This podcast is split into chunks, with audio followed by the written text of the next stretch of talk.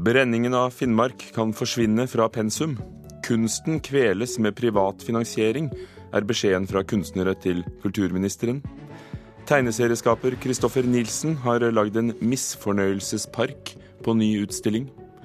Og 'Turist' er et godt fortalt drama fra en av Europas beste filmskapere, sier vår anmelder. Kulturnytt i Nyhetsmorgen i NRK. Denne uken er eh, det 70 år siden tvangsevakueringen av Finnmark og frigjøringen av Øst-Finnmark under andre verdenskrig. Men denne delen av krigshistorien står i fare for å bli fortalt i Finnmark og bare der i fremtiden.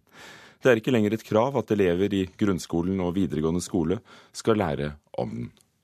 Altså, som historiker eh, av, av legning eller av utdannelse, så, så, har vi jo en del fokus på det. Og det er jo en interessefelt som, som, som er Men eh, på barneskolen, eller grunnskolen, da, i barneskolen og grunnskolen generelt, så er det jo kanskje ikke noen som er så, eh, altså, så fagorientert. Det sier Ole Håvard Olsen, som er historielærer og avdelingsleder ved Nordkapp maritime skole og videregående skole. I læreplanen både for grunnskolen og den videregående skolen er det ikke et krav om at elevene skal lære om krigshistorien fra Finnmark.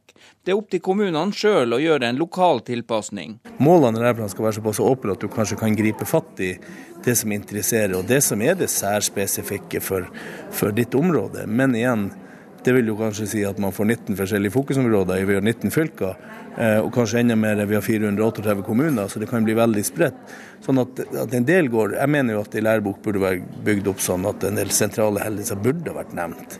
Men det er jo igjen et læreplanvalg i forhold til det, så det, det er ikke så lett å si. Jeg, jeg håper jo ikke det. Jeg håper at man studere historie som et dannelsesfag, men også som et, et, et, mulighet til å lære av historien. Oppvekstsjef i Alta kommune, Mats Stian Hansen, har satt i gang et arbeid med å gjøre en felles lokal tilpasning for alle fag, for alle skolene i Alta. Han sier det er en fare for at tyskerne sine herjinger under andre verdenskrig ender som lokalhistorie i fremtida. I de sentrale læreplanene så er det sagt noe om hvilke kompetansemål vi skal oppnå ved gitte årstrinn.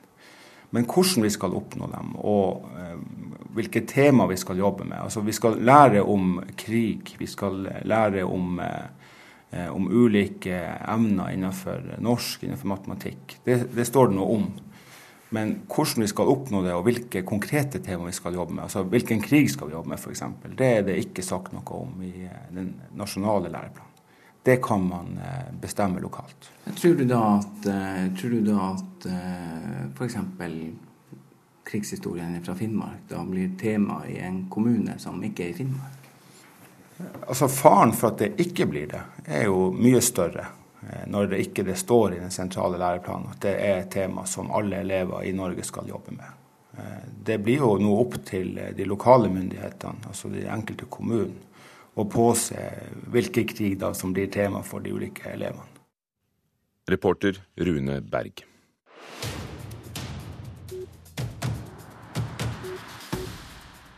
Etter flere år med krangling om hvor det nye Munch-museet skal ligge, vedtok Oslo bystyre i går kveld Lambda-bygget i Bjørvika. Med 52 mot 7 stemmer er det nå et bredt politisk flertall for det nye museet, som skal koste 2,8 milliarder kroner. Konstituert kulturbyråd Anne Siri Koksrud Bekkelund sier det er en stor dag for verdens kunstarv. For det første så ble det jo heldigvis nå et bredt flertall i bystyret for eh, det nye museet, og det er jo veldig gledelig. Så er det selvfølgelig noen som fremdeles er skeptiske. Eh, de gleder vi oss til å invitere på åpningen av det nye museet og vise dem eh, at de tok feil. Det er jeg helt sikker på at når museet står ferdig, kommer alle til å være enige om at det blir veldig bra. Flere av landets mestselgende forfattere reagerer kraftig på VGs planer om å kutte ned til én bokanmeldelse i uken. Jon Michelet sier til Klassekampen i dag at dette er en skummel utvikling. Sammen med bl.a.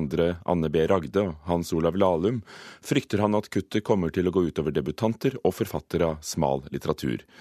Avisen VG forsvarer avgjørelsen med behovet for å spare penger. Regjeringen flagger ut ansvar i kunstpolitikken, sier fotokunstner Vibeke Tandberg. Hun var en av talerne på Kulturrådets årskonferanse på Lillestrøm i går.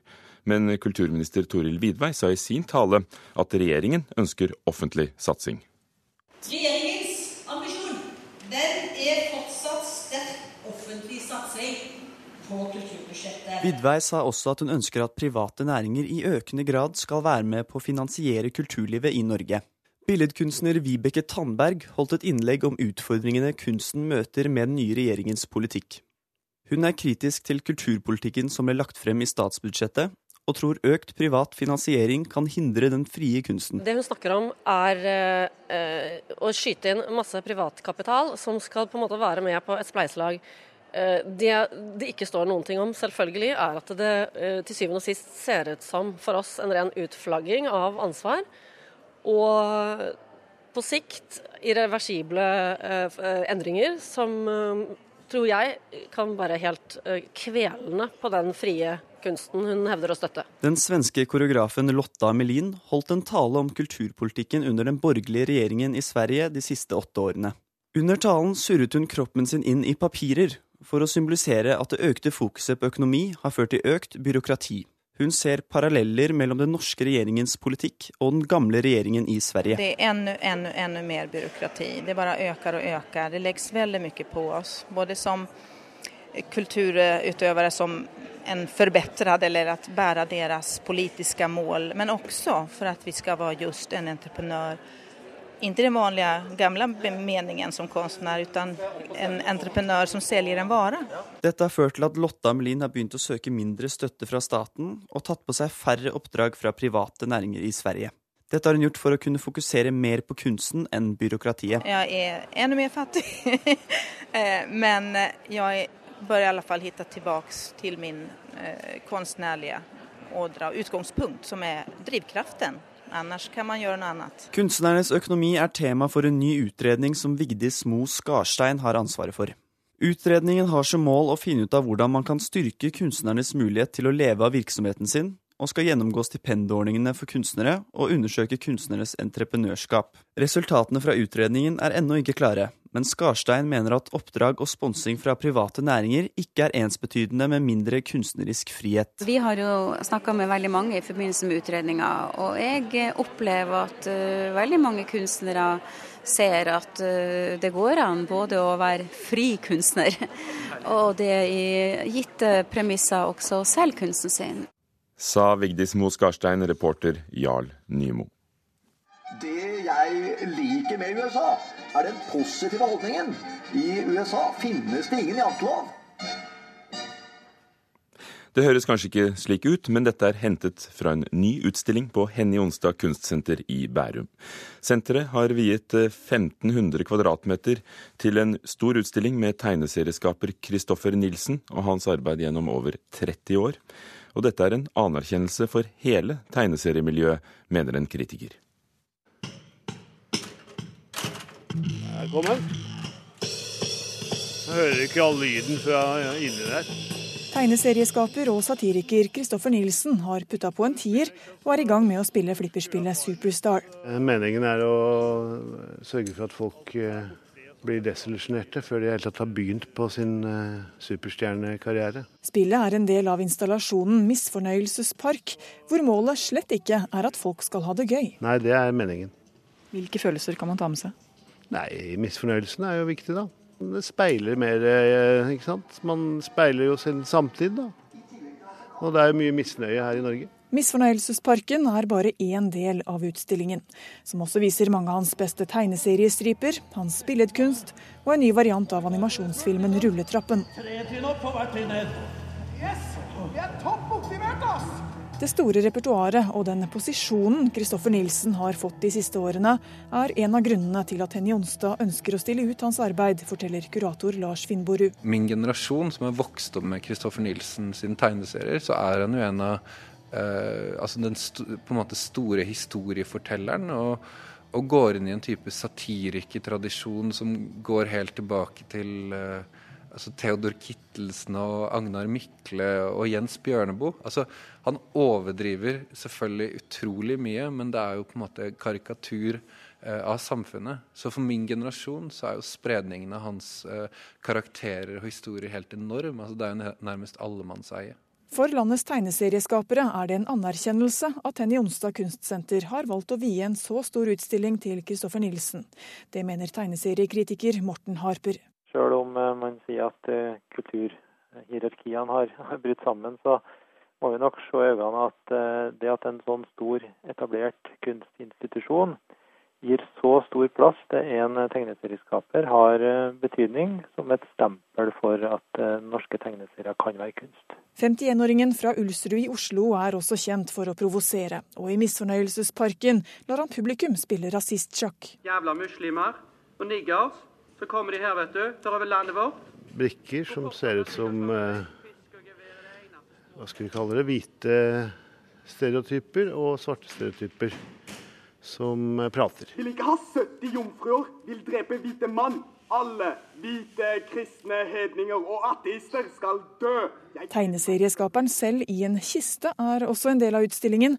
Det delvis råtne liket er det aller første publikum møter. Kristoffer er jo Han provoserer jo mange. Eh, men jeg, altså, reaksjonene er jo alt fra at liksom, vi er voksne, overdriver jo veldig ofte folks reaksjoner. Så jeg husker når det kom inn en skoleklasse her, og jeg hadde bare det liket lå borti hjørnet her. Og jeg bare å herregud, nå kommer de til å bli liksom satt tilbake ti år mentalt. Så begynte jo alle bare å ta selfies ved siden av liket. Og bare ja, dødskult, er det halloween snart? Og, og sånne ting. ja, det er sånn man gjør det i våre dager. Det skal vi legge det ut på Facebook også, eller hva de bruker. Sa Kristoffer Nilsen til slutt, reporter Une Marvik Hagen. Utstillingen varer til 8. februar på Henny Onsdag kunstsenter i Bærum. Klokken er straks kvart over åtte. Du hører på Nyhetsmorgen i NRK. Overskriften i dag. Canada vil ikke la seg skremme, sier statsministeren, som lover å styrke innsatsen mot terror etter angrepet mot parlamentet i går. Grov vold mot barn etterforskes mindre grundig enn vold mot voksne, sier rettsmedisiner. Høy kommunegjeld kan stoppe sammenslåingen til storkommuner, sier Kommunenes forbund KS. Og senere i Kulturnytt, regissør Alexander Mørk Eidem har lagt Per Gynt til Skavlan-studio, Tre musketerer til 80-tallet, og nå skal han ta tryllefløyten til fremtiden. Mange setter seg langt unna scenen på forestillinger av frykt for å bli dratt opp på den samme scenen. For spørsmålet er hvor mye kan en kunstner ta med seg publikum uten at det blir pinlig? Sammen med forskere fra NTNU har koreograf og folkedanser Sigurd Heide forsket på denne samhandlingen mellom publikum og artist. Hvor nært kan man komme et menneske, og hvor lenge kan man se et menneske i øynene før det blir ubehagelig? Hvordan bygger man opp tillit så man kan gjøre nesten hva som helst med hverandre? Og hvordan skaper man det på ganske kort tid i ei eh, forestilling? Publikum blir tatt i handa, invitert ut på gulvet, ned på gulvet. Og der svinger de seg nært oss, forskerne. For vi publikum må jo vite hva de snakker om når de presenterer forskninga si. Hvordan kan vi få med folk i en interaktiv forestilling? Det er jo fryktelig skummelt. Så hvordan kan vi gjøre det mindre skummelt? Der har vi jobba masse. Og så har vi jobba mye med hvordan skal vi takle respons fra, fra publikummer som vi ikke kjenner på forhånd. I flere år har folkedanseren Sigurd Heide i Tromsø og Marit Stranden, som nå er direktør ved Norsk senter for folkemusikk og folkedans ved NTNU, sammen med flere NTNU-forskere, fordypa seg i interaktivitet. I går kunne de presentere funnene sine på høstforumet til det nasjonale kunstforskningsprogrammet. Gjennom ei egen forestilling har de bl.a. funnet ut at interaktivitet handler om både tillit og forventninger. Her fikk de informasjon fra Sigurd på forhånd om hva dette var, og at det når som helst var lov å si nei, og når som helst var lov å trekke seg ut. Men måten vi i det hele tatt starta det på, var at de dansa seg inn i rommet. Det var ingen stoler i dette rommet. Og når vi inviterte med folk underveis, vi var jo mange færre dansere enn publikummere, eh, så inviterte vi Vi brukte aldri ord, og så så vi jo på responsen. Hvis de trakk seg litt tilbake, så fikk de stå i fred. Det handler mye om at kunstneren sjøl må ha gode pedagogiske, psykologiske og medmenneskelige evner. Og de må ha tenkt gjennom hva samhandling gjør med publikum. Det fungerer ikke hvis man ikke er forberedt på, på alle mulige måter publikum kan reagere. Da blir det fort kleine situasjoner. Hvis ikke forskerne, altså de som var med i dette prosjektet, var klar over at noen publikum kunne bli aggressive eh, hvis man kommer for nært. Noen kan eh, kanskje ha eh, intensjoner om å De har ikke fått en klem på ei uke. Hva gjør du ikke når du ikke har fått en klem på ei uke, og noen kommer og tilbyr eh, nærhet på et vis, eller et samspill? Forskerne har prøvd ut og utvikla egne teknikker for interaksjon.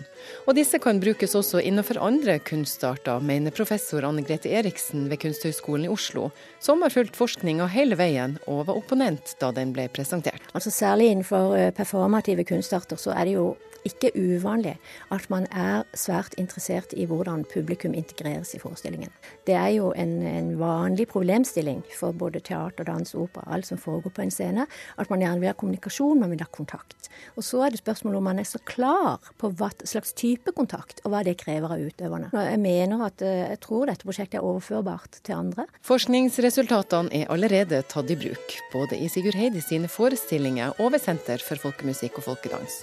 I dag involveres publikum stadig mer i kunst. Det være seg jo SMS, eller at man kan ringe inn og stemme på, eller at rockeband som har eh, Du kan sende inn ønskelister på forhånd. Men små interaktive forestillinger der du får en kinestetisk, altså en kroppslig opplevelse av kunsten, er også i tida. Kanskje det også er en sånn reaksjon på storkonsertene, altså U2 med 100 000 tilskuere. Du sitter som en liten maur langt oppe på 17. tribune. Er vi som publikum klar for det her, tror dere? Jeg tror det er absolutt, men jeg tror at det må noen teknikker til. Nettopp som eh, disse her har arbeidet med. Og de har en nydelig nylig eh, definisjon på, på det å, å, lede, hvor de sier at å lede er å følge. Og det tenker jeg er en nøkkel her. Reporter Hege Irén Hansen. Det svenske Oscar-bidraget 'Turist' er klar for kinopremiere. Regissør Ruben Østlund bruker norske skuespillere i to av de viktigste rollene, nemlig Lisa Loven Kongsli og Kristoffer Hivju. Vår anmelder Birger Vestmo synes de spiller rivende godt i en film med et smart manus og underfundig humor. Where do you come from? From Sweden. Sweden, yes. very good. I'll make you the beauty picture together. Come on. One, two, smile. Good one. Den svenske regissøren Ruben Østlund setter oss i en kinkig posisjon i filmen Turist. Her blir tilskueren simpelthen nødt til å tenke over hvordan man ville ha reagert i en gitt situasjon, men det er umulig å komme fram til et sikkert svar. Denne filmen utforsker høyst interessante problemstillinger, bortgjemte sjølerkjennelser og en mannsrolle i krise. Rivende godt skuespill, et smart skrevet manus og en jevn strøm av underfundig humor gjør Turist til en svært tilfredsstillende filmopplevelse. Det är sånne jækla krafter. er det safe? Ja, ja, ja. De vet hva de gjør. Pappa! Pappa! Det er sådär där kontrollerat. Pappa! Harry, Harry, Harry, det er lugnt, det er lugnt. Et snøskred raser mot en familie på en uteservering i Alpene. Ebba, spilt av Lisa Loven Kongsli, kaster seg over ungene. Thomas, spilt av Johannes Kunke, springer for å redde seg sjøl. Men når snøføyka legger seg, viser det seg at skredet har stoppa i tide. Når far kommer tilbake, later han som ingenting. Men når de får besøk av Thomas sin gamle skikompis Mats, spilt av Kristoffer Hivju, blir de nødt til å konfrontere det problematiske med det som har skjedd. It was quite uh, shocking. Everyone is fine. I mean, they, they yeah, know what they're right. doing. And he got so scared that right he ran away from the table. Østlund driver frem historien med stor troverdighet. Han lar konflikten snike seg frem uten bombastiske virkemidler. Og da tenker jeg på alt det som skjer etter det utrolige snøskredet, som virkelig er et mektig syn på kino. Thomas og Ebba fortsetter som før, men snart vises tegn på en mistillit mellom dem. Thomas benekter at han forlot familien sin, men i øynene hans ser vi hvordan skyldfølelsen river i han. Johannes Kunke spiller godt som en mann som nekter å innrømme overfor seg sjøl at overlevelsesinstinktet vant over beskyttelsesinstinktet. Og så kommer Thomas tilbake, og vi sier ingenting. Og fortsetter bare å spise. Lisa Loven Kongsli presterer fabelaktig i sin første hovedrolle, der hun takler rollens utfordringer med briljans.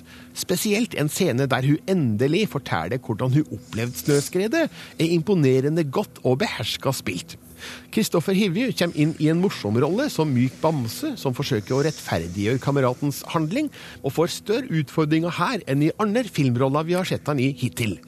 Når jeg bare øh, sier at det er, jo, det er, jo, I slike situasjoner så er det jo ikke alltid vi liksom er helt medveten da, øh, om hva vi gjør. Turist er lekkert filma og godt fortalt av en av Europas mest interessante filmskapere. Ruben Østlund har en egen evne til å fremstille personer på film som blir stilt overfor situasjoner og problemstillinger som gjør publikum nysgjerrig. Jeg lever meg inn i de her figurene og føler for dem. Uten å avsløre hvordan turist slutter, kan jeg si at figurene blir behandla med respekt, og at situasjonen får en troverdig og tilfredsstillende utgang. Her er det bare å rope bravo for et flott svensk-norsk samarbeid. Thomas, kan du snakke litt, vær så snill? Jeg syns dette er helt freaky. Og Turist ble anmeldt av Birger Vestmo, og alle ukens kinopremierer kan du se anmeldt på nettet, nrk.no film. Fra film til musikal. De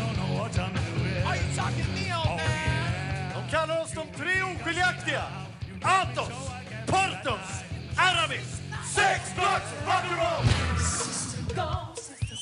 De tre musketerer kommer til Norge. Rockemusikalen ble et fenomen i Sverige, hvor den ble sett av 130 000 på Stockholms stadsteater. Og til vinteren skal skaperen av forestillingen, Alexander Mørk Eidem, sette den opp på Folketeatret i Oslo. Historien handler om folk fra 1600-tallet, med musikk av Madonna, U2, Duran Duran osv. Og egentlig, Alexander Mørk Eidem, er dette en føljetongroman fra midten av 1800-tallet. Hva har du plukket av historien? Vår fortelling er nesten den samme som grunnfortellingen, som jo handler om D'Artagnan som kommer eh, til Paris. Uh, ung mann vil bli noe, vil bli musketer. Treffer på myrkuløst vis de tre tøffeste musketerene i, i byen og, og, blir virvlet inn i masse intriger rundt hoffet. Uh, om å redde Frankrike uh, og dronningen og, og, kongen fra skandale, og, og ser til at det ikke blir krig mellom de to landene også. Så det er, det er liksom det er en sånn coming of age-historie. Det er en sånn underdog-story fra en ung mann som kommer og blir noe i storbyen. Og... Men det er egentlig skrevet bare for å være underholdende, tror jeg. Det er skrevet som føljetongen. Det er skrevet som en såpeopera for å dra folk til å lese annonser i avisene den, på den tiden. Så den er jo veldig underholdende og skamløst underholdende, på samme måte som 80-tallet på en måte var veldig skamløst i sin underholdningskultur. Altså, det fins likhetstrekk mellom det barokke og denne puddelrocken. Altså både rent sånn visuelt, med skinnbukser, støvler, stort hår, eh, kniplinger i kostymer som Madonna og Prince og Michael Jackson. Altså, du, man finner det, disse signalene. Så det er faktisk det du gjør? Du sier noe om vår eh, nære fortid? ja, kanskje. Eller jeg bruker den til å fortelle en historie på en ny måte. Eller kanskje forsøker å få den fortellingen til å være like virke like ny som den gjorde kanskje den gangen. Da Dumas skrev den, så var det jo også en gammel fortelling. Han skrev om gamle dager. Så, og denne forestillingen er også om gamle dager, om 80-tallet. Du skrev dette på svensk. Ja. Jobbet den frem på svensk. Ja. Er det, er det pussig å gjøre det på norsk? Det er litt tricky, for jeg har bodd i Sverige tolv år, og så tror jeg at jeg er veldig mye mer norsk enn det jeg er. Men uh, når jeg skal forsøke å oversette noe fra svensk til norsk, så blir det litt sånn Jeg stopper opp veldig mange ganger. Hva er det her ordet? Hvordan sier man hasj i dag? Uh, I slangspråk i et musikermiljø. Eller hvordan sa man det på 80-tallet? Det husker jeg i hvert fall ikke. Så det er hele, man må liksom lete etter uh, ord og vendinger som ikke faller naturlig. Du er kjent for å sette opp klassiske stykker og flytte tiden, flytte dem inn i en ny tid. Tre søstre av Tsjekhov la du til 60-tallet i Sverige. Nå, på Nationaltheatret i Oslo, har du tatt Ibsens Per Gynt og, og satt alle menneskene inn i et TV-studio som ligner på, på Skavlan. Betyr det at din oppsetning blir like mye en kommentar til stykket som, som selve stykket? Det tror jeg er veldig forskjellig. Når det gjelder Per Gynt, så ja. Der er det Det føles litt nødvendig når man først gjør Per Gynt igjen, og spesielt på hovedscenen på Nationaltheatret. Det, det, er vanskelig å ikke forholde seg til oppsetningstradisjon eller fortolkningstradisjon i Norge. Eh, hadde jeg gjort det et annet sted, på Torshov teater eller på Rogaland teater, så hadde antagelig ikke det vært så påfallende, eller føltes så nødvendig. Tre søstre vi gjorde i Sverige 60-70-tall. Det ble ikke oppfattet som kommenterende av teksten i seg. Det er bare ønsket om å komme nærmere publikum nå. Altså, det var samtidsdramatikk når det ble skrevet. Det ble opplevd som samtidsdramatikk. Og en del av den følelsen blir selvfølgelig borte når man setter det opp 100 år senere. Så jeg vil gjerne forsøke å få publikum til å føle og tenke det samme som de gjorde de så, da de så den første gang da.